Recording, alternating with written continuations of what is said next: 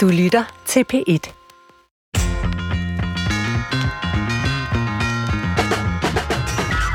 Vores opmærksomhed er en begrænset ressource, og den er mange penge værd for denne verdens tech-giganter. Derfor bombarderes vi med notifikationer, mulige gevinster og andre lækre lokkeduer, der skal fange og fastholde vores opmærksomhed. Samtidig er det formentlig usundt for os, når vi opsluges i evigheds-scrolling. Det siger dagens gæster i hvert fald. Nu vi har din opmærksomhed, så lover vi at gøre dig klogere på, hvordan den fungerer, altså din opmærksomhed, så du kan lære at tænde og slukke for din begrænsede båndbredde. Så velkommen til Brinkmanns Brix. Hvis jeg nu spurgte tre tilfældige øh, psykologer, om de mener, at vores begrænsede opmærksomhed er under pres i dag fra det fortravlede liv, så vil jeg ved med, at de alle sammen vil sige ja. Vores båndbredde er presset, vi kan ikke følge med, vi kan ikke slappe af, vi kan ikke fordybe os, vi kan ikke sige fra. Til retlægger, Christoffer Heidehøjer, hvor mange gange har vi ikke hørt den påstand i Brinkmanns Brix de seneste år? Har du egentlig været opmærksom på det? Og talt det op? Det, det har jeg ikke tal på, Nå. men jeg ved, det er mange, for jeg ja. hører jo nøje efter. Mm. Men øhm, jeg prøvede så at lave en lille test, mens jeg skrev øh, manuskript til det her, den her udsendelse. Og øh, det var mandag formiddag. Og jeg noterede alle de gange, jeg blev afbrudt. Og øh, jeg har, der er to kolleger derhen og stille spørgsmål. Der er to notifikationer fra TV2 Sport, som jeg følger. Der er fire snaps, jeg skulle reagere på. Der var to gange Messenger, der bippede. Min kone ringede og spurgte, om jeg havde rykket tandlægetiden til vores søn. Og så skulle jeg jo lige ud og have kaffe et par gange. Og der skulle jeg også på toilet en enkelt gang. Så alt i alt, så var jeg virkelig ikke særlig opmærksom, eller i hvert fald fokuseret på den opgave, jeg egentlig havde gang i. Og jeg kan roligt sige, og det er jo så det, jeg der betaler, men det har i hvert fald kostet en time eller to oveni arbejdet, alle de her forstyrrelser. Og så kan man jo snakke om alt det her med at lægge sin telefon væk og gøre det ene og det andet og det tredje og skærme sig. Men Svend, har de der psykologer egentlig ikke bare ret? Det er et liv, vi lever i det her samfund, som er umuligt ikke at lade sig forstyrre af hele tiden. Jo, det tror jeg da egentlig, de har. Altså, men du fik jo trods alt forberedt dig.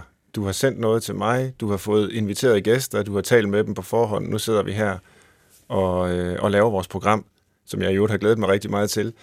Så der er en eller anden form for paradoks i det. Det kunne selvfølgelig også være, at det kunne have været endnu meget mere bedre, det hvis jeg du bare kunne have siddet fordybet i øh, nogle timer, og så få lavet alt det her, uden at tjekke og like og klikke og scrolle og være på toilettet og snakke med din kone, hvad ved jeg. Jeg ved det ikke, om det bare er et vilkår, eller, eller, eller måske noget, vi kan lave om på. Lad mig spørge på en anden måde. Er der en sammenhæng mellem vores mentale trivsel, og så alt det her forstyrrelse, alt det her undgåelse af at holde opmærksomheden på noget, man egentlig burde? Det er der i hvert fald for mig. Nu skal jeg svare ud fra, hvad jeg har viden om, og lige med det her område, der er det umiddelbart mest personlig eller anekdotisk viden, og jeg kan jo mærke på mig selv, at jeg har det bedst, når jeg faktisk kan gå ind i de opgaver, jeg er optaget af, uden hele tiden at miste fokus og skifte opmærksomhed uafbrudt. Det er ikke altid, det lykkes, men øh, det er bare en dybere glæde og tilfredsstillelse, der er forbundet med, hvad end man laver, når man øh, er opmærksom på det. Altså, og det, øh, ja, det er faktisk godt, du, du spørger mig, fordi jeg tror, jeg skal tænke lidt mere over det. Hvis nu i hele ens liv er bygget op ud fra, øh, at man konstant bliver distraheret, og ens opmærksomhed skal skifte, og nogen måske oven i købet hele tiden prøver Altså, det er jo ikke bare, fordi det er ens egen skyld, det her, tror jeg. Jeg tror, der er jo nogen, der er interesseret i at fange vores opmærksomhed. Og, og, jeg, tror, og jeg tror, de er rigtig gode til det. Jeg tror, de er snedige og, øh, og tjener penge på det. Ja. Og så er det, er det jo lige pludselig ikke så, så rart at tænke på længere. Hvad er din hemmelighed egentlig? Fordi selvom du så øh, siger, at du godt kan opleve lidt udfordringer, så er du, du er en af de få mennesker, jeg kender, der faktisk læser bøger. ah, det, er, det er der nu flere, der gør. Du er en af de få mennesker, jeg kender, der får lavet noget. Du er en af de få mennesker, jeg kender, der er øner og er dygtig til at koncentrere sig. Hvad er det, man skal gøre, hvis man skal have et, øh, siger jeg så, sundt og godt og koncentreret liv? Altså, som nu, dit. nu sagde du lige før, at du ikke gad at høre på det der med, at man skulle lægge telefonen væk. Men det er jo blandt andet den slags små ting, der kræves, som man selv har indflydelse på. Altså, øh, sørg for at ja, i videst mulig omfang skabe et miljø rundt om en, hvor man ikke bliver distraheret. Øh, man skal ikke tro, at man kan have de der notifikationer til at ligge og blinke, og så oparbejde tilstrækkelig viljestyrke til, at man ikke lige tjekker den tror jeg ikke på. Det, det, det troede jeg måske engang øh, om mig selv, men fandt jo meget hurtigt ud af, hvad jeg også godt ved fra psykologien, at sådan fungerer vi ikke, vi mennesker. Altså vi, Oscar Wilde med det her berømte citat, ikke også, jeg kan modstå alt, bortset fra fristelser. Vi falder for fristelserne, og de er der, øh, og så bliver vi distraheret. Øhm, så så, så der, der kan man altså godt gøre noget, og jeg bruger selv også det at altså, foretage nogle bevidste skift i min arbejdstid. Nu er jeg jo så også ekstremt privilegeret ved, at jeg ofte kan tilrettelægge min arbejdsdag selv. Øh, ofte er jeg hjemme en del af dagen, og så øh, det der, jeg sådan fordyber mig og skriver, og der kan jeg måske lægge en lille løbetur ind, hvor jeg bare ved, jamen klokken 11.30 til 12 før jeg spiser min madbakke, øh, så skal jeg ud og løbe, og så arbejder jeg mig hen imod det, og tjekker ikke noget før det, og så, op, så skal jeg ud og løbe, og så kommer jeg ligesom væk fra alt det der, og får clearet hovedet, og så kan man starte forfra øh, med, med fornyet energi. Men når jeg siger det på den måde, så er det også for at advare mod, at vi ikke kommer til at individualisere det her alt for meget. Jeg altså bare, sige, jeg, jeg bare tro, det at det handler om at træne din egen viljestyrke, så skal det nok gå. Altså, det er ja. lige præcis den, jeg ikke tror på. Jeg tror på, at vi på arbejdspladser og på institutioner med vores børn og så videre, skal have nogle øh, politikker på det her område, så det ikke bare er op til den enkelte, fordi der er vi ikke stærke nok som individer. Hvis du nu trods alt så, som jeg vil opfordre dig at sige, skrev det der ned og udgav det som bog, så har vi altså gengæld sige, så er der sgu nok tjene en masse penge på det. det godt, jeg skal lige spørge, hvad er det så egentlig dagens projekt er? For nu har vi lige været rundt omkring nogle skærme, nogle notifikationer, noget opmærksomhed, ja. dit arbejdsliv. Hvad er det på at kode det ned? Hvad er det, vi skal? Den næste time? Altså, vi har jo tidligere talt om øh, distraktioner og skærme og sådan noget, og det kommer vi helt sikkert også ind på i dag, tror jeg. Men vi vil prøve at fokusere lidt mere direkte på det, der bliver distraheret, nemlig vores opmærksomhed. Altså, hvad er den menneskelige evne til at være opmærksom, både øh, psykologisk, filosofisk, øh, neurovidenskabeligt, fordi jeg tror, hvis vi forstår lidt bedre, hvad det egentlig er, vi har med at gøre der, øh, så kan vi måske tilrettelægge øh, vores liv lidt klogere.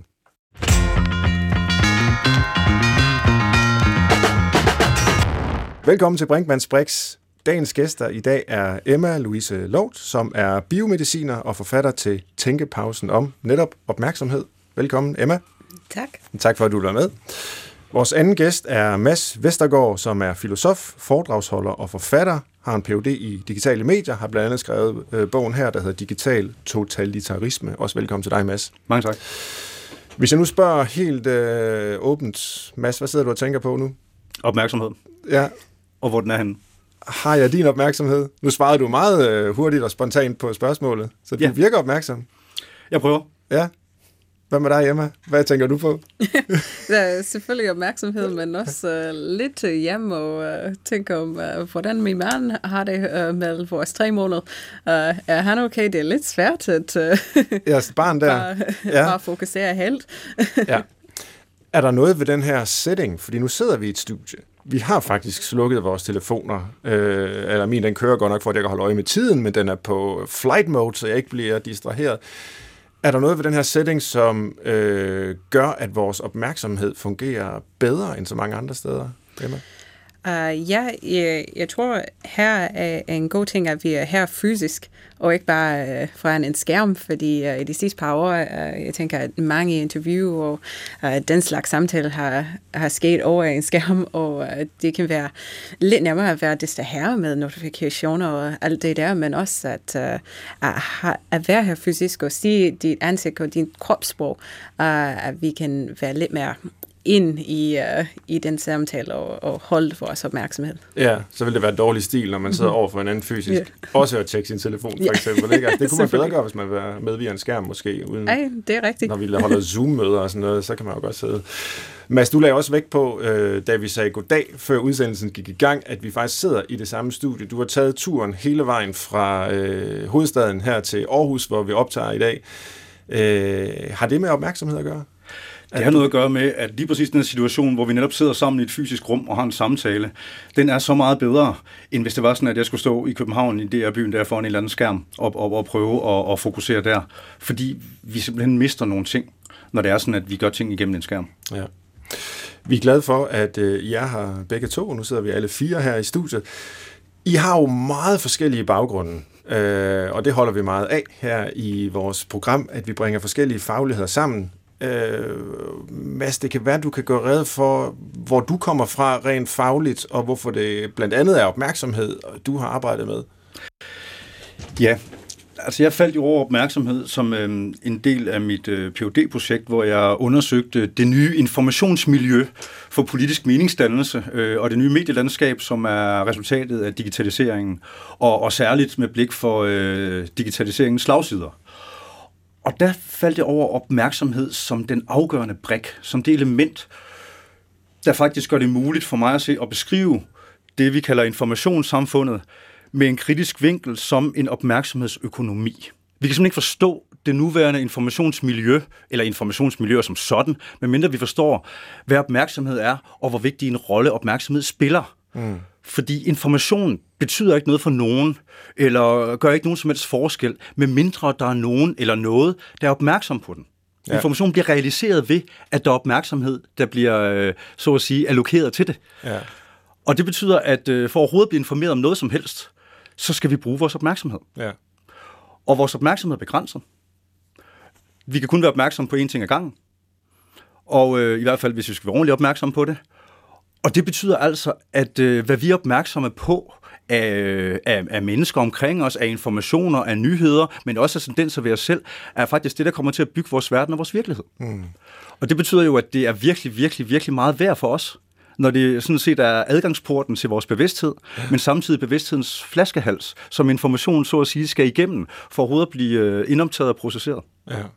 Og det der begreb opmærksomhedsøkonomi, øh, det kan vi vende tilbage til igen lidt senere, men hvis man ikke har hørt det før, så er det måske underligt at knytte de to ord sammen, opmærksomhed og økonomi. Altså, hvor i ligger det økonomiske del af, af kampen om opmærksomheden? Jamen, når man taler om opmærksomhedsøkonomi, så øh, er det jo interessant at se på det her med, at opmærksomhed er begrænset at, der, er en, at der, der kun er en vis mængde af den at gøre godt med, så at sige. Man kan sige, ligesom penge, så kan du kun bruge 100 kroner på én ting. Hvis du bruger den på det ene, kan du ikke bruge den på det andet.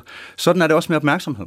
Og det er den basis for en, øh, ja, for en opmærksomhedsøkonomisk teori, hvor man betragter opmærksomhed øh, som en knap ressource, en knap kognitiv ressource for, for hver især af os, som vi dermed skal, skal, skal bruge og, og vælge, hvad vi bruger den til med omhu. Mm.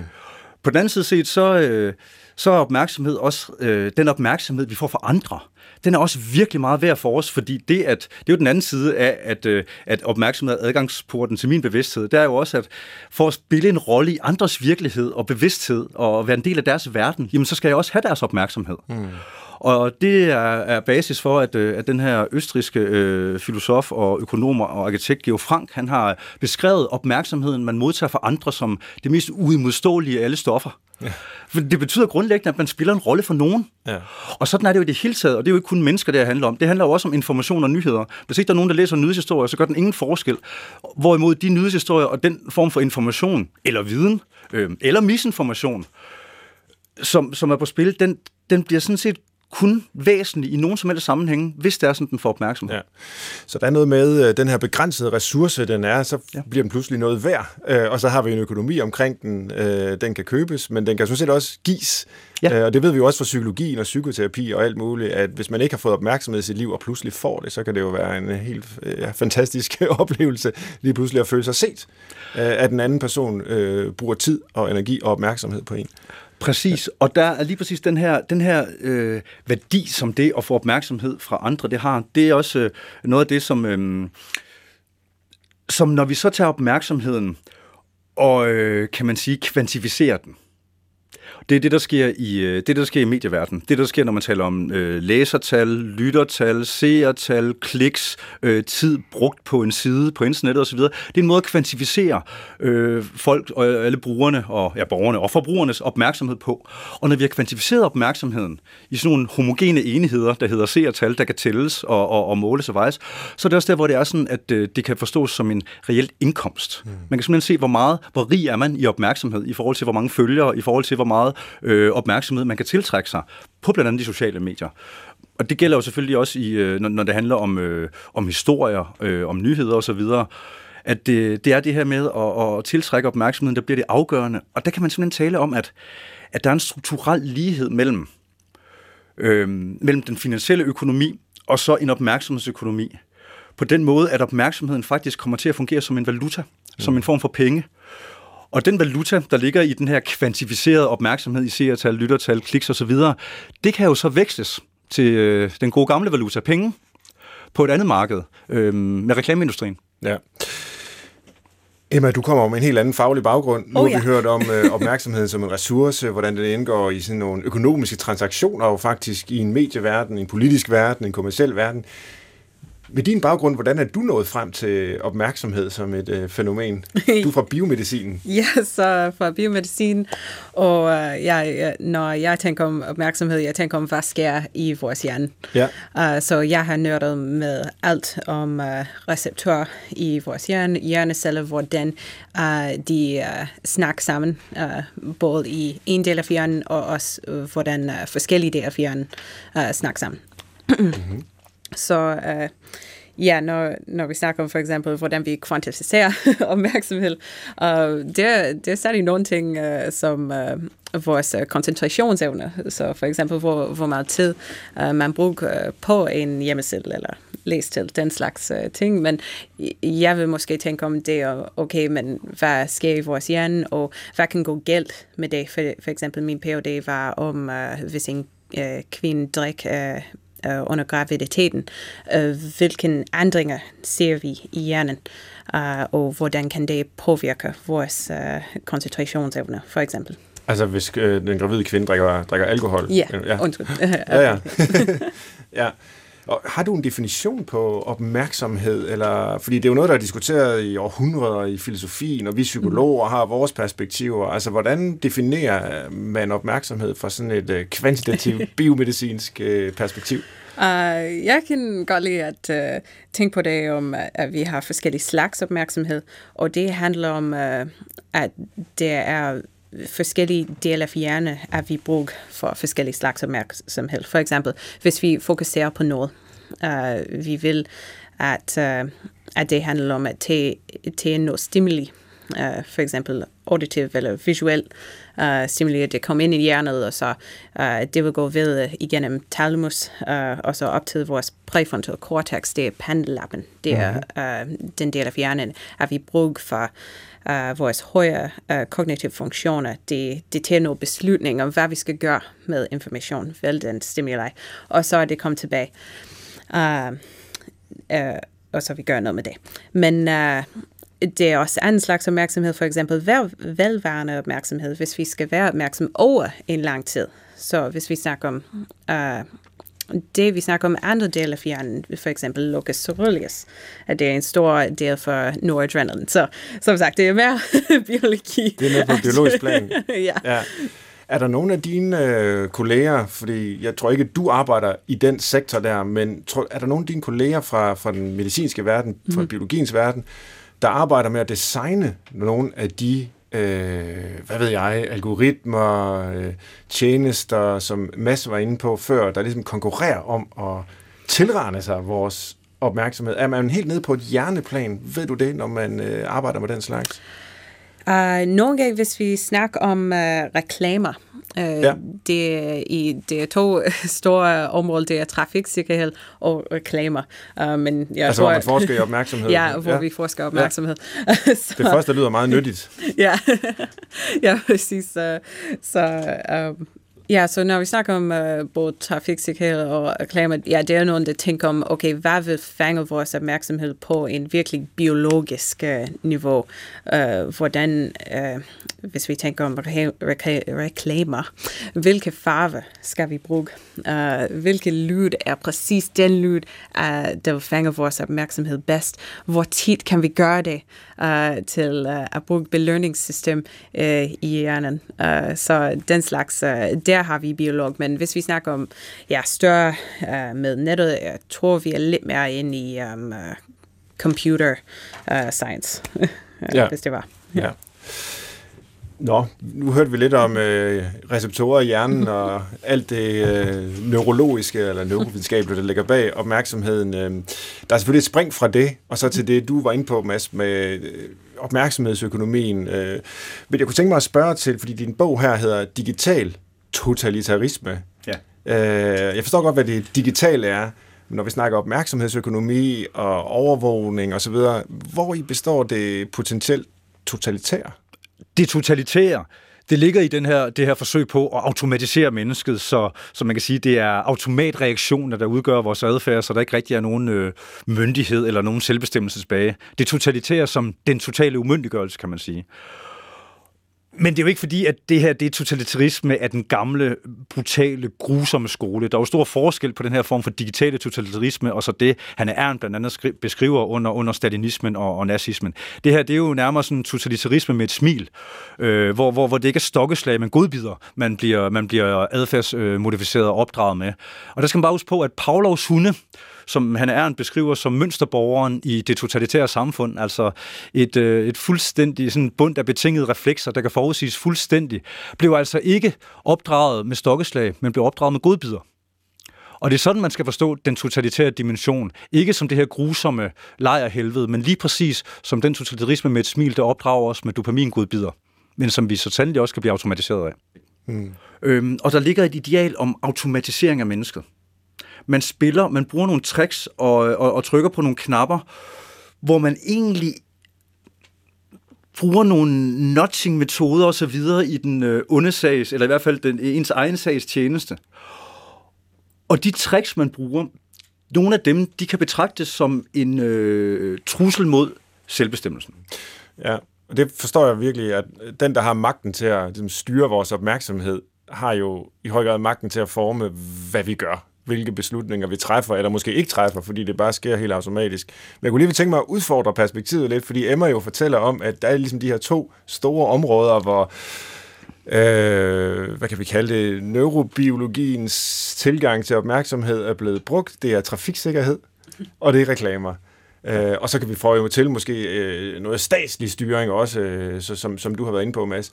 Men det der med trafiksikkerhed for eksempel, der er det vel udmærket, at vi bliver hvad kan man sige, hjulpet, nudget til at være opmærksom på det ene og ikke på det andet, fordi der er åbenbart evidens for, at det styrker øh, trafiksikkerheden. Så kan det ikke også være en legiti- et legitimt ønske hos en stat, for eksempel. Jeg ved godt, jeg måske spiller djævelens advokat nu. Et legitimt ønske om at øh, indrette en bestemt opmærksomhedsstruktur til gavn for borgerne. For eksempel i trafikken.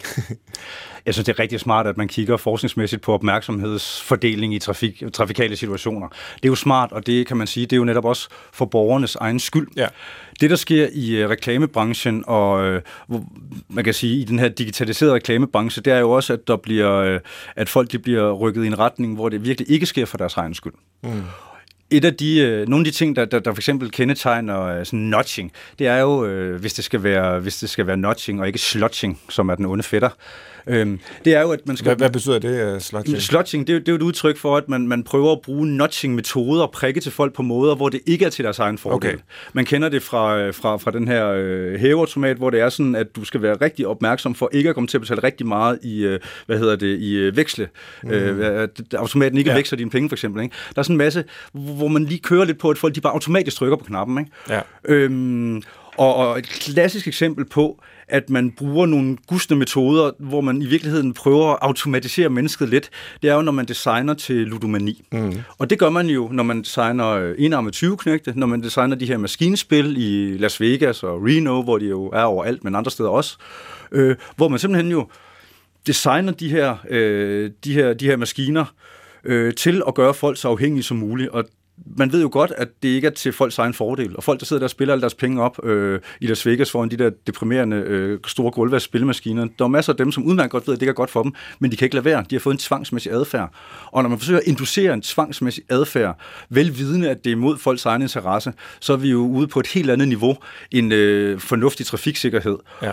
Og der bliver det jo problematisk, at der i øh, reklamebranchen og i hele den her digitale økonomi, jo er et gigantisk meget kraftigt incitament til at fange opmærksomhed så ofte som muligt og holde den så længe som muligt. Ja. Simpelthen på grund af de forretningsmodeller, der eksisterer.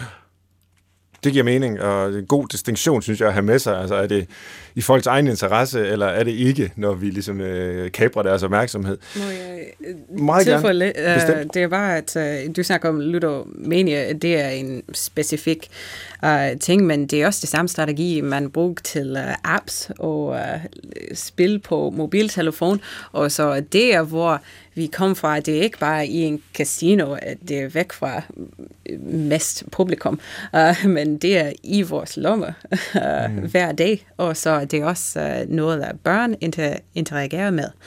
Uh, og så det er, uh, hvor jeg synes, uh, at det kan være lidt uh, farligt, uh, når vi snakker om opmærksomhed, og også til hjørneudvikling, at uh, de får den der det vane, den idé, at det her er normalt, det er, hvordan vi skal interagere uh, mm. med ting. Hvad er det, der sker i hjernen, øh, Emma, når man står der ved spilleautomaten, og måske har sagt til sig selv, jeg skal bare lige bruge et kvarter, og så skal jeg videre. Øh, eller at man tager sin telefon frem og skal lige kigge på Twitter, er der mm. kommet nogle nyheder om øh, et eller andet, eller Instagram eller hvad, og pludselig så er der gået en, en halv time, selvom mm-hmm. man skulle bare lige tjekke hurtigt, men mange af os kender jo det der med, whoops, det der feed, som er uendeligt, det bliver man bare ved med at scrolle ned igennem, ligesom ludomanen. Mm-hmm. Uden sammenligning i øvrigt måske, øh, bare fortsætter med at rykke i øh, håndtaget på den ene arm cykling. Hvad, hvad er det for nogle mekanismer, der, der bliver sat i gang? Ja, øh, for det meste er øh, med pendelappen, at vi snakker om den præfrontal uh, cortex, hvor vi tager den slags beslutninger, og det er også, hvor vi ser, okay, uh, belønningssystem, jeg forstår godt, at du kan godt lide dopamin, men vi skal være, vi skal gøre noget produktivt, ja. og, og så vi skal væk nu. Men um, uh, så det er lidt uh, en kæmp imod den to forskellige systemer. Sy- ja, systemer. Så, uh, og den, der er så farlig med barn, er selvfølgelig at præfrontal cortex. Det er, hvad vi snakker om, at det er ikke er færdig med at udvikle uh, sig, indtil vi er i vores 20'erne. Hmm. Uh, det er en af de sidste del af vores hjerne, det er virkelig måden. Uh, og så de, de har ikke det samme, børn og teenager har ikke det samme uh, uh, mulighed til at bare sige, okay, nu skal jeg væk uh, og prioritere uh, ting. Og så der, hvor vi skal tænke om, okay, men hvordan kan det her påvirke uh, deres senere arbejdsmen, for eksempel, eller ludomania? Mm. Problemet er jo netop, at man kan sige, casinotricksene ikke bliver holdt på casinoet længere. Blandt andet blev der for nogle år siden udgivet en bog, der handlede om, hvordan man designede øh, vanedannende produkter som blev en kæmpe bestseller, og virkelig er blevet læst i Silicon Valley også. Og man bruger simpelthen den samme grundlæggende metode, der bliver kaldt hook-metoden, der handler om at få folk på krogen. Og det handler om, at man skal først trigge folk på en eller anden måde. Den trigger, den, øh, det kan være en notifikation, der får telefonen til at vibrere i lommen, eller et eller andet, så man, så man får, bliver, ens opmærksomhed bliver fanget. Så skal det føre til en handling, hvor man ja, hiver, hiver telefonen op, tjekker de sociale medier, eller den, den service, man er på. Så skal det som nummer tre gerne give en øh, varieret belønning, som man ikke kan forudsige. En uforudsigelig og varieret belønning. Man ved ikke, hvor mange hjerter man har fået, hvor mange likes man har fået, om man har fået nogle matches eller noget. Og det er jo noget af det, som, øh, er blevet, som der er blevet forsket i i forhold til afhængighed, hvor blandt andet adfærdspsykologen Skinner, han har lavet nogle eksperimenter, hvor man kunne se, at, øh, at man kunne altså gøre rotter noget mere afhængige, hvis man varierede belønningerne, så bliver jagten endnu mere intens. Øhm, og det bruger man jo både til de her øh, maskinespil med ja, og enarmet 20 knægte for at få folk til at blive siddende ved maskinen, fordi så er man sikker på, at man får deres penge, hvis bare de ikke rejser sig. Og det er den samme, man så bruger på, øh, på sociale medieplatforme, hvor man så også smider noget, øh, noget FOMO og noget social pres ind over, for ligesom at gøre, gøre, gøre, gøre presset i forhold til at, at give opmærksomhed og, og data, når man kan se sig endnu, endnu stærkere. Og, øhm, og der bruger man simpelthen de her, de, de her så at sige, bissetricks for de nærmere 20 knægte, præcis til øh, som, som designprincipper.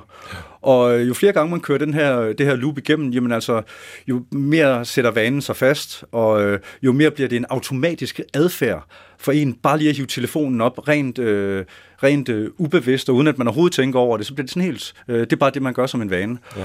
Og der handler det om, som der står i den her øh, fantastiske bog Nial, øh, og fantastisk i, i det anførselstegn, der skriver han jo simpelthen, at det, det handler om i forhold til triggers, det er, at i starten, der kan det godt være, at den trigger, det er en ydre trigger, som at telefonen vibrerer i lommen, men der handler det jo om, at man skal sørge for, at folk de får indre, mentale, følelsesmæssige triggers, således at målet bliver, at hver gang man har en eller anden specifik følelse, ensomhed, øh, tristhed, øh, ensomhed, utilstrækkelighed kunne det være, jamen så skal automatreaktionen netop bare være at tjekke det sociale medie, øh, for lige at få et, øh, et dopaminfix der. Mm. Og så begynder vi jo at virkelig bruge nogle, så at sige, sårbarheder i menneskets psykologi til at styre dem i en retning, der nok ikke er til deres egen fordel, men som til gengæld giver masser af penge i kassen, fordi det, der bliver tjent penge på, er jo øh, den tid, vi bruger ved skærmen, fordi der giver vi opmærksomhed, og det engagement, vi gør ved skærmene, fordi der giver vi data. Mm.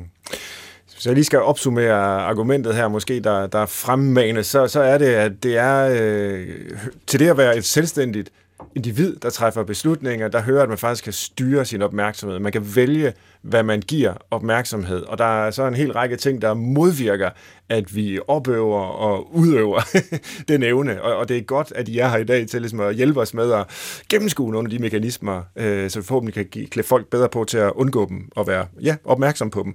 Et eksempel, Ja, meget gerne. Et godt eksempel, det kunne være, hvis jeg lige kaster en bold mod dig nu, Svend, ja. så griber du højst sandsynligt den, eller forsøger at gribe den, uden mm. at det overhovedet er et valg. Ja. Det er en ren reaktion.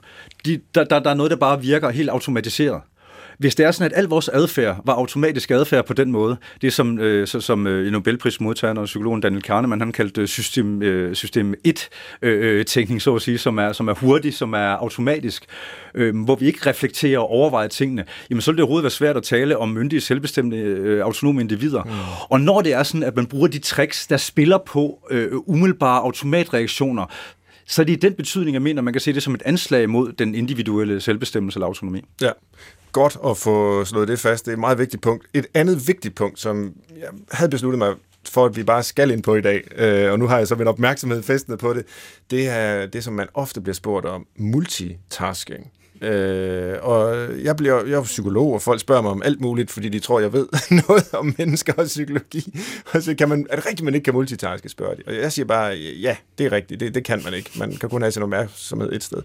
Men nu kunne jeg tænke mig at spørge jer, for jeg er alligevel blevet lidt i tvivl om, det er lidt for nemt bare at sige sådan. Altså lad os bare tage den situation, jeg sidder i nu. Øh, Øh, lige nu er jeg opmærksom på, at jeg skal stille jer et spørgsmål. Jeg lytter faktisk til, hvad jeg selv siger, men jeg har også mine øh, spørgsmål skrevet ned på et ark foran mig, som jeg lejlighedsvis konsulterer.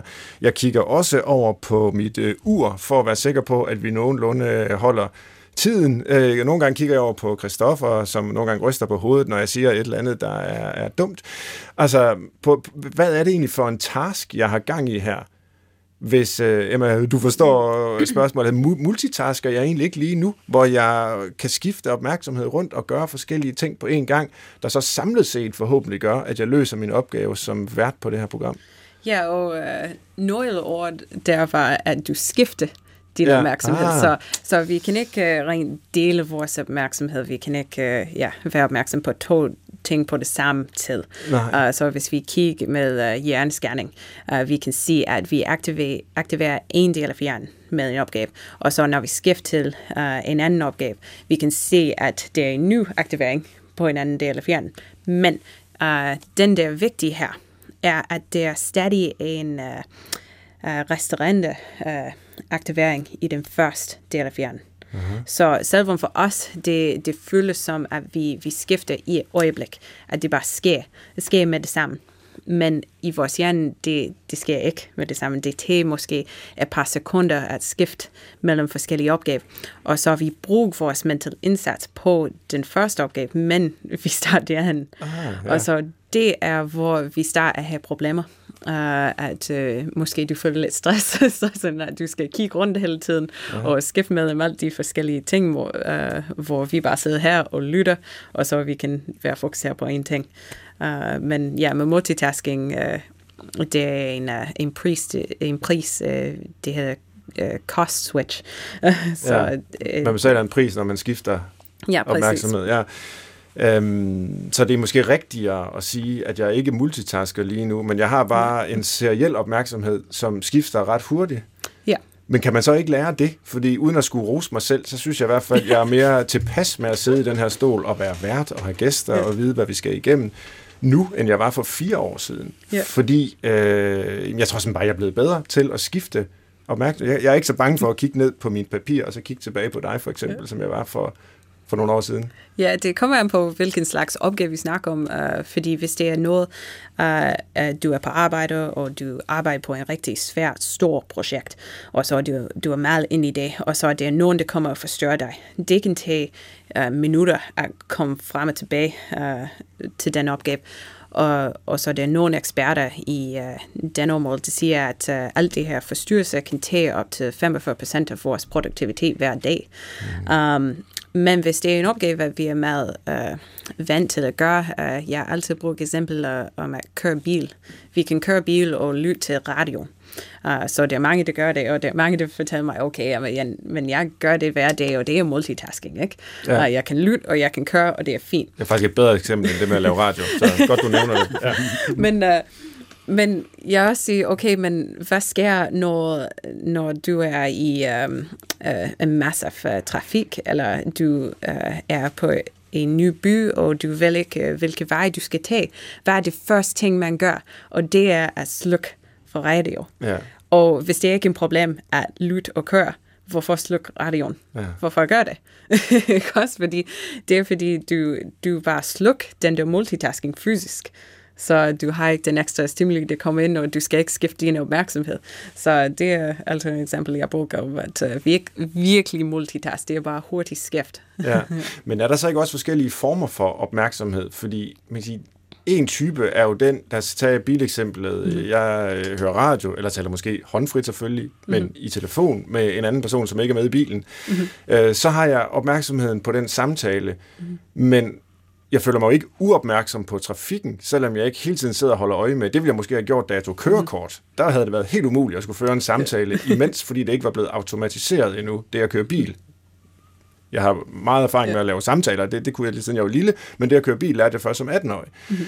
Øh, så, så kan man sige, når jeg nu har lært at både at køre bil og, og føre samtaler, og gøre begge dele samtidig, at det ikke er et skift mellem to slags opmærksomhed, men at min opmærksomhed er på samtalen, og jeg er ikke uopmærksom på bilkørslen, men heller ikke opmærksom. Det er ligesom noget helt tredje, eller hvad, jeg ved ikke helt, hvad jeg leder efter, men de der automatiske rutiner, vi har, det er klart, at hvis der kommer et trafikuheld, så skifter mm. det, og så er jeg fuld opmærksom på det. Ja. Men det er jo ikke, mens jeg bare kører min sædvanlige pendlertur til Aalborg Universitet. Ja, især når vi snakker om um, motor, um, en opgave, der handler om motorfunktion. Ja. Uh, vi kan have rigtig god hukommelse med det i vores hjerne. Og, og motor, det er ikke ja. bilmotoren, der er det altså bevægelses Nej, bevægelse og muskler. Ja, muskler, ja, netop. uh, præcis. Uh, og så det, det virkelig bruger ikke så meget mental indsats. Så du vil ikke føle, som du skifter uh, virkelig, fordi det er bare autom automatisk, uh, hvor du går med din uh, ja, hverdagspendel. Um, men det også kan handle om um, opgave, hvis, uh, hvis det er begge to med visual eller auditive, eller hvis det er forskellige. Fordi hvis det er forskellige, det er meget nemmere, fordi det er ikke en konflikt i hjernen ah. uh, med forskellige dele af hjernen, at du skal aktivere, aktivere um, uh, ting til visuel til at køre, mm. og så den anden del for auditiv til at lytte til samtale. Ikke? Men hvis uh, du har to venner uh, på hver side af dig, og de snakker og fortæller dig en historie, du vil sige, at du kan ikke være opmærksom på begge to på det samme tid. Mm. Så du kan kun være opmærksom på en på en gang. Ja. Men det er nemmere, hvis du skal lytte til noget, og, og så læse ah, okay. noget. Så man ja. kan godt køre i bil og have en samtale, mm-hmm. men man kan ikke have to samtaler på samme tid med forskellige mennesker. Ja. ja. Det er, synes jeg, er meget opklarende. øh, og det er det gode ved det her fænomen, vi har på Brixen i dag, opmærksomhed, at vi jo egentlig kan putte alt muligt i det. Øh, fordi det er en fuldstændig grundlæggende menneskelig kapacitet at være opmærksom. Så jeg kunne tænke mig bare at afprøve en, en, en, en ting mere på jer her. Nu taler vi om multitasking. Og det er jo det, som vi ofte bliver spurgt om i Brinkmanns Brix, og vi har været lidt inde på det før, med skærme. Mm. Børn og skærme. Det, der tales der jo rigtig meget om i den her tid, at vi skal have færre øh, skærme i folkeskolen, vi skal skærme børn fra skærme. Øh, med, med, med, med din forskning i baghovedet, hvad vil du så sige til det? Jeg synes, det er en rigtig god idé at skærme børn mere mod skærmene. Og ikke så meget mod selve skærmene og, og den teknologi, der ligger i det, men mere i det, der så at sige bliver åbnet op for igennem skærmene. Og det er jo lige præcis de her øh, opmærksomheds- øh, og datadrevne forretningsmodeller, hvor, hvor man jo simpelthen arbejder med at gøre folk så, øh, ja, så afhængige som muligt der kan man jo nu se, og nu begynder, kan man sige, også noget, noget, noget god kvalitativ forskning i forhold til skolen, som kom frem og siger, at der er altså nogle store problemer her mm. med, at, at, at øh, der er så mange skærme, at uh, der er både alt foregår, nogle skoler har jeg hørt om nu, der bøgerne er røget fuldstændig ud, alting foregår digitalt, alting foregår inde på et smartboard eller på en computerskærm, og så er der telefonen ved siden af. Ikke? For nylig de, der var vores øh, undervisningsminister Mathias Tesfaye ude og sige, at han synes, øh, undervisningen skulle primært være analog, og så når der var grund til det, kunne den være digital. Og så svarede skolerne, jamen vi har ikke bøger længere. Eller nogen skoler svarede det, det var selvfølgelig ikke alle. Og det, det var da i hvert fald en øjenåbner for mig, at sige, hold da op. Altså, så er vi virkelig... Ja, Ja, der, der, der, der kan man sige, der er folkeskolen nok blevet disruptet lidt rigeligt ja, de seneste år ja, her. Og der vil jeg også sige, at øh, jeg mener sagtens, at vi kan lave nogle klare politikker og spilleregler omkring en mobilfri folkeskole. Det vil jeg faktisk argumentere for en rigtig god idé. Og jeg synes godt, at man, altså mobilfrihed, det handler måske også om at have fri fra mobilen. Og alle de folk, der prøver at trække ind opmærksomhed og påvirke ind på forskellige måder. Og så er der jo de her argumenter omkring, at forbud er ikke vejen frem, og er det ikke også lidt formynderisk, og, og, og, og, og hvad med børn? Øh, de skal jo også ud i en virkelighed, hvor det er sådan, at der er digitale medier og telefoner. Er det ikke fuldstændig fejlet at skærme dem mod det i en undervisningssituation? Situation. Hvad vil sige, det synes jeg faktisk ikke er et særligt godt argument. Ungerne skal også ud i en verden, hvor der er masser af reklamer, og hvor der er spilleautomater. Det betyder ikke, at vi synes, det er en god idé at stå reklameskærme på skolerne og indarme 20 knægte på hver hjørne i en skole. Mm. Det med at lave et rum, hvor det er sådan, at der er frihed til koncentration, hvor læreren får en frihed til rent faktisk at gå fange og holde den her opmærksomhed, det mener jeg er meget afgørende for at kunne lave en, en god øh, undervisning. Det er også afgørende for, øh, for dannelsen, det at lære at, at tænke selvstændigt og, og empatisk, øh, og det er ret afgørende for et fællesskab, fællesskab, at øh, folk de rent faktisk er i stand til at give hinanden opmærksomhed i et fysisk rum, øh, ligesom vi kan gøre det nu, hvor vi netop ikke sidder hele tiden og tjekker vores telefoner, men rent faktisk kan være opmærksom på hinanden og hvad hinanden siger, det er også ret vigtigt for fællesskabet. Jamen der mener jeg, at det giver da rigtig god mening at lave nogle institutionelle rammer, øh, for det her, så det er netop ikke op til den enkelte, som jo har en total umulig kamp over for alle de her adfærdsdesignere osv.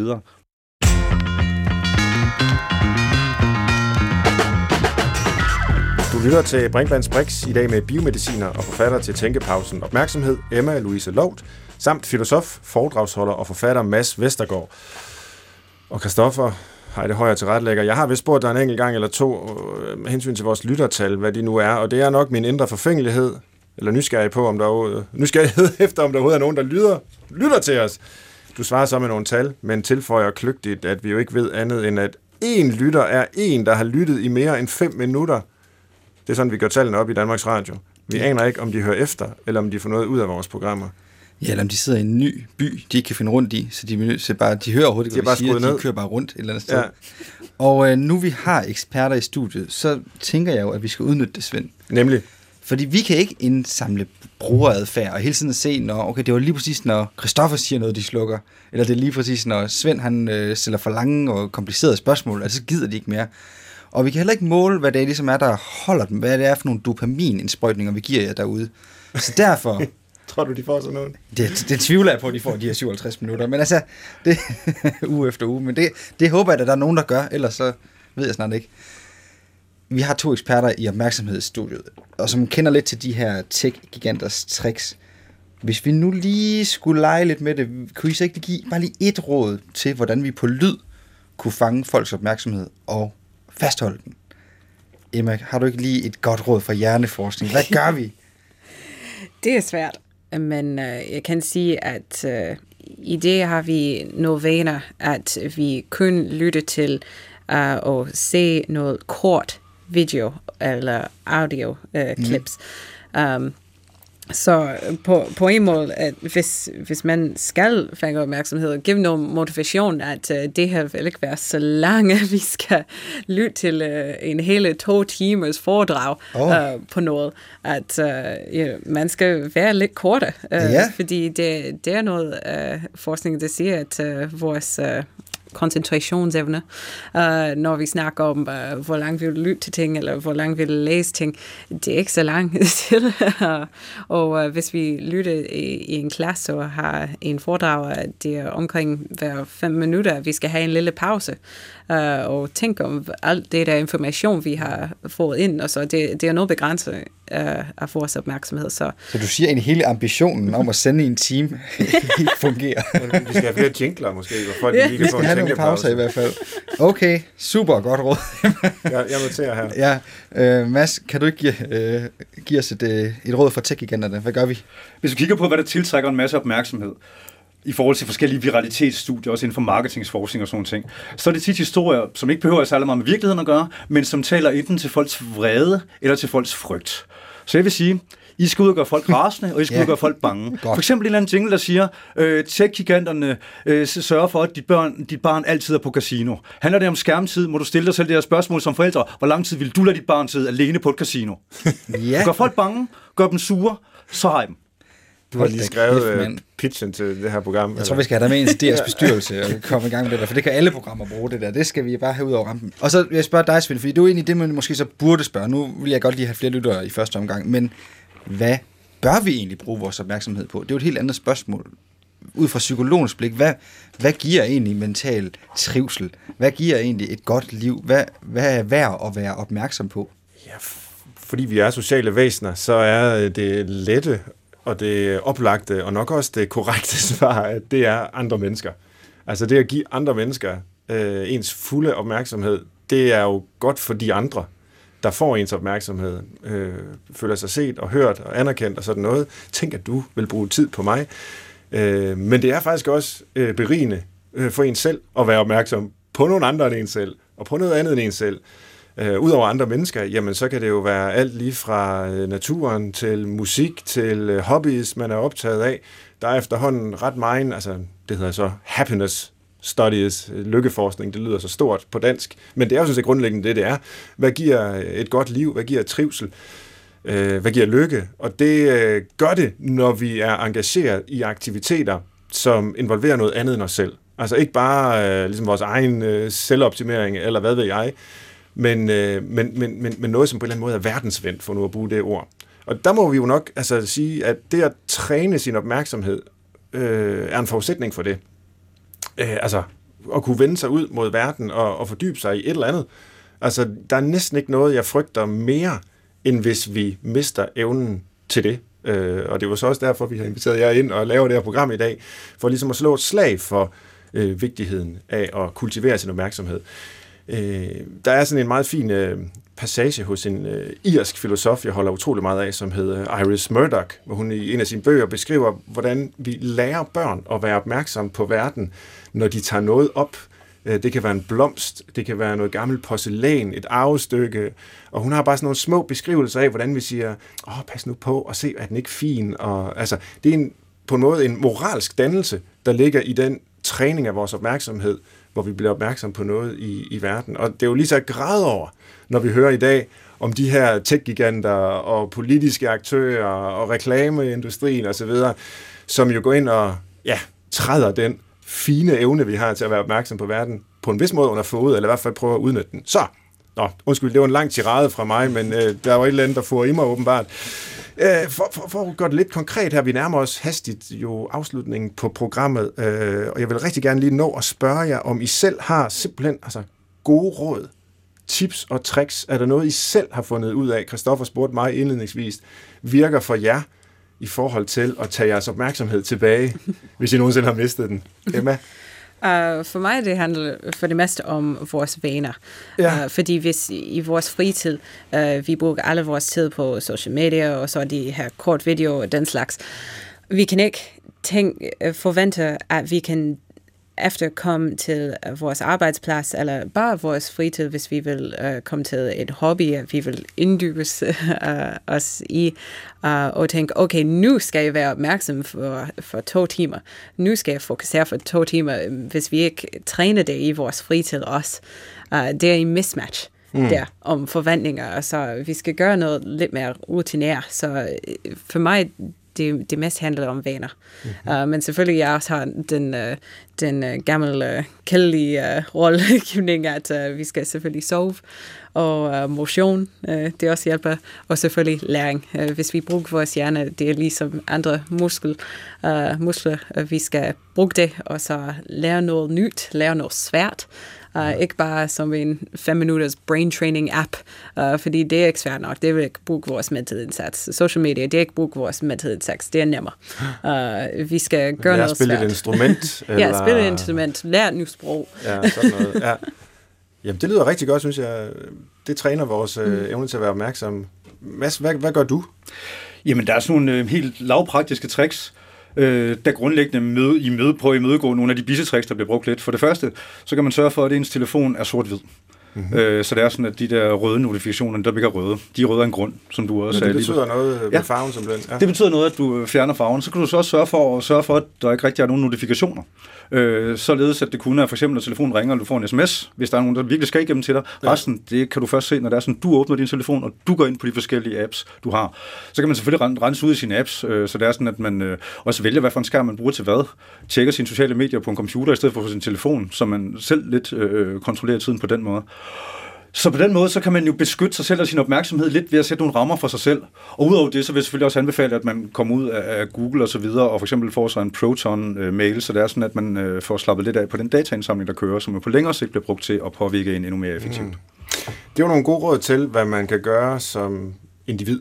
Og det er jo også vigtigt, det er individer, der lytter til det her program, og hvis ikke man kan sætte folk i gang med et eller andet, så kan det være lige meget. Men vi har jo også talt om det i et lidt større perspektiv, som noget, der kræver en samfundsmæssig indsats. Mads, du var inde på det med, med skærmene i skolen, øh, mobiltelefoner. Hvorfor skal de egentlig være i skolen? Kunne man ikke lave et forbud mod det? Er der andet, vi kan gøre øh, lovgivningsmæssigt, samfundsmæssigt, der kunne øh, få vores opmærksomhed tilbage, som vi gerne vil have den? Mads, du kan følge op. Jeg vil godt øh, lige vende tilbage til det med skolerne, faktisk. Øh, fordi det synes jeg er meget interessant. Nu, nu var jeg ude på en skole, hvor jeg simpelthen kunne se, at de var blevet mobilfri to uger forinden, og de der små stakkelsbørn, de sad jo og havde abstinenser. Det var simpelthen abstinenser, de havde, og jeg så kunne fortælle dem om, hvad abstinenser var for en størrelse. Ikke? Men der var det meget interessant, for noget af det, som blev fremhævet flere gange af dem, og som også, som også nogle af undersøgelserne viser, det er jo, at det er FOMO, frygten for at gå glip af noget, som er meget drivende for, for den her telefon eller øh, telefonafhængighed. Man er bange for, at de andre øh, kan en masse, som man ikke kan, og man derfor går glip af noget, og så dermed føler sig udenfor, hvilket er meget centralt for de her øh, børn og unge. Det, der er jo interessant med, med, med, med, at det er FOMO, som er en del af det drivende, det er jo faktisk, at så kan man lave sådan lidt en omvendt netværkseffekt. Noget af det, der er med de sociale medier, det er jo den her netværkseffekt. Det er mere værd for den enkelte, jo flere der er på. Og det er ikke noget ved at være på sociale medier alene. Men jo flere der er på, jo mere er det sådan set værd at være på. Omvendt, hvis det er sådan, man begyndte at tage telefonerne ud af skolerne, og vi taler ikke alle skærmene ud af skolerne, der kan godt være skærme, når det giver mening, men vi snakker om at tage telefonerne ud af, ud af folkeskolen, hvor man altså også står i forbrugerenden. Der er ikke mange, der programmerer på deres smartphones. Mm. Øhm, tag dem ud af skolen, så betyder det også, at der ikke er lige så meget grund til at have FOMO, fordi dem på den anden skole, som man ellers ville kommunikere med, de har heller ikke deres telefoner inden for den her afgrænsede skoledag. Ja. Så det at lave noget, nogle fælles rammer, kan faktisk være med til at, at, at gøre det lettere for individet at sige fra, fordi at det sociale pres faktisk forsvinder. Mm. Og der synes jeg, at, øh, at tanken om at lave sådan en lidt modsat netværkseffekt faktisk er rigtig interessant og et godt argument for, for at kigge på, og i hvert fald, hvis ikke helt mobilfri skoler, så i hvert fald nogle ret stramme regler for, hvornår og hvordan og hvorledes. Også for at tage det ansvar væk fra læreren, så læreren slipper for at være den der bussemand, mand, der tager telefonerne væk fra eleverne hele tiden. Ja. Har du et bud, Emma, på, hvad ja. det kræver af samfundsmæssig intervention? Ja, jeg synes, at den idé at tage mobiltelefon ud af fokusskole er en rigtig god idé. Um, men også uh, til uh, at støtte det, uh, måske mere uddannelse til, uh, til forældrene.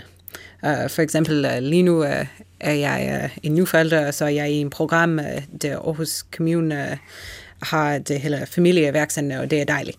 Uh, og det snakker om alt med børns trivelse, altså motorisk udvikling og uh, mad og tænder. Men uh, et emne, der kunne være dejligt her også, er lidt om digital sundhed, og hvordan vi skal starte at give børn, og hvis vi skal starte at give børn noget skærm. Uh, fordi for eksempel anbefalingen er, at under to år, de har ingen skærmtid. Men vi ved godt, at uh, nogle børn, der har mere uh, noget skærmtid allerede, mm. og, og så også uh, indtil det er fem år, at det skal kun være en time um, max, og, og også at uh, voksne skal være, skal være med, mm. så de stadig har den der sociale uh, interaction sammen. Uh, og så øh, har lidt mere uddannelse af, hvorfor det er farligt, som Mads siger, hvorfor vi skal have mobiltelefon ud af fokusskole, så vi ikke har FOMO. Uh, det, det er rigtig god information, og så det, det skal være mere opmærksomhed på det. Ja, opmærksomhed på, hvordan ja. vi får vores opmærksomhed tilbage. Ja. Nemlig Der er også, et, og man kan sige, det hele taget er der jo et politisk niveau, som det er vigtigt at, at, at se på her. Det skal netop ikke være op til den enkelte øh, hele tiden bare kunne finde en eller anden selvkontrol som en eller anden permanent øh, skumfidus-test, man så skal bestå for at være et selvbestemmende menneske. Og der er det jo interessant at se på, hvordan, at, øh, hvordan politisk lovgivning begynder at kunne kigge på, for eksempel med GDPR, omkring om nogle af øh, forretningsmodellerne i forhold til målrettet markedsføring faktisk måske øh, er ulovlige ifølge GDPR. Og det er ligesom om, at, at digitale teknologier har sådan snedet sig lidt udenom nogle beskyttelser, vi ellers har lavet mod for eksempel politisk manipulation også. Det er jo meget interessant det her med, at det ikke er ulovligt at, have, at bruge øh, målrettede reklamer på sociale medier for politiske partier i Danmark, men de må altså ikke købe tv-reklamer med den baggrund, at tv det er sådan ret manipulerende medie. Men hvis det er argumentet for, at man ikke må have tv-reklamer i politik, hvorfor delen er det så lovligt at have målrettet datadrevet markedsføring i politik? Det er et godt spørgsmål, og øh, det bliver det sidste, vi når at spørge om, men øh, i skal give nogle svar, i hvert fald nogle input til, øh, til det, som opmærksomme lyttere vil vide, er programmets faste afslutning, nemlig listen, hvor vi ofte forsøger at sige det modsatte af, hvad vi egentlig mener, eller i hvert fald vende op og ned på tingene i håb om, at det kan give et perspektiv på emnet. I dag tre gode grunde til at lade sig forstyrre hele tiden. Emma, har du øh, input til den fra hjerneforskningens verden? Ja, det vigtigste er, at vi har så mange skærm som muligt foran os. Ja. Uh, og så vi skal have vores social media køre hele tiden. Ja. Uh, så hvis vi prøver at uh, lave en projekt, uh, vi kan hele tiden bare tjekke vores e-mail og social media, og ikke bare fokusere på en ting ad gang. Så. ja, jamen altså, det lyder som uh, opskriften på et uh, moderne liv i det hele taget. så tak for den. Mads, har du noget at få til? Altså man kan sige, at grunden til at holde sig distraheret hele tiden, det er jo, at så slipper man for at tænke på ting, man ikke, man ikke har lyst til at tænke på. Måske kan man bare, øh, øh, hvad hedder det, fortrænge, øh, nu skal jeg passe på at bruge sådan et freudiansk udtryk i det her selskab, men ja, måske, måske, måske, måske kan man øh, glemme sig selv i øh, flowet og bare være i zonen, så det er sådan, at de mørke sider af livet og, og det der hårdt, det ikke kommer så meget frem. Det er jo noget af det, som folk, der sidder og bliver dybt afhængige af spilleautomater, de gør. Øh, så på den måde, så er det måske øh, den digitale form af en eller anden form for, øh, for lykkepille, der gør, gør, at det hele ikke gør helt sundt. Og det kan jo selvfølgelig være meget rart. Hermed givet videre. Du har lyttet til Brinkmanns Brix. Tusind tak til begge gæster her. Emma Louise Lovs, der er biomediciner, forfatter til Tænkepausen om opmærksomhed, der var dagens emne. Og Mads Vestergaard, som er filosof, foredragsholder og forfatter med en Ph.D. i øh, mediestudier, digitale mediestudier. Yes. Holdet, eller skulle jeg sige mixdoblen bag Brinkmanns Brix, det er jo udover jer selv, tilrettelægger Christoffer Heide Højer. Vi sender igen om en uge. Indtil da, så skal du bruge din sparsomme og kostbare opmærksomhed på at lytte til endnu flere udgaver af vores program. Det er en ordre. Du finder dem i DR Lyd, og så håber jeg, vi lyttes ved i næste uge på Genhør.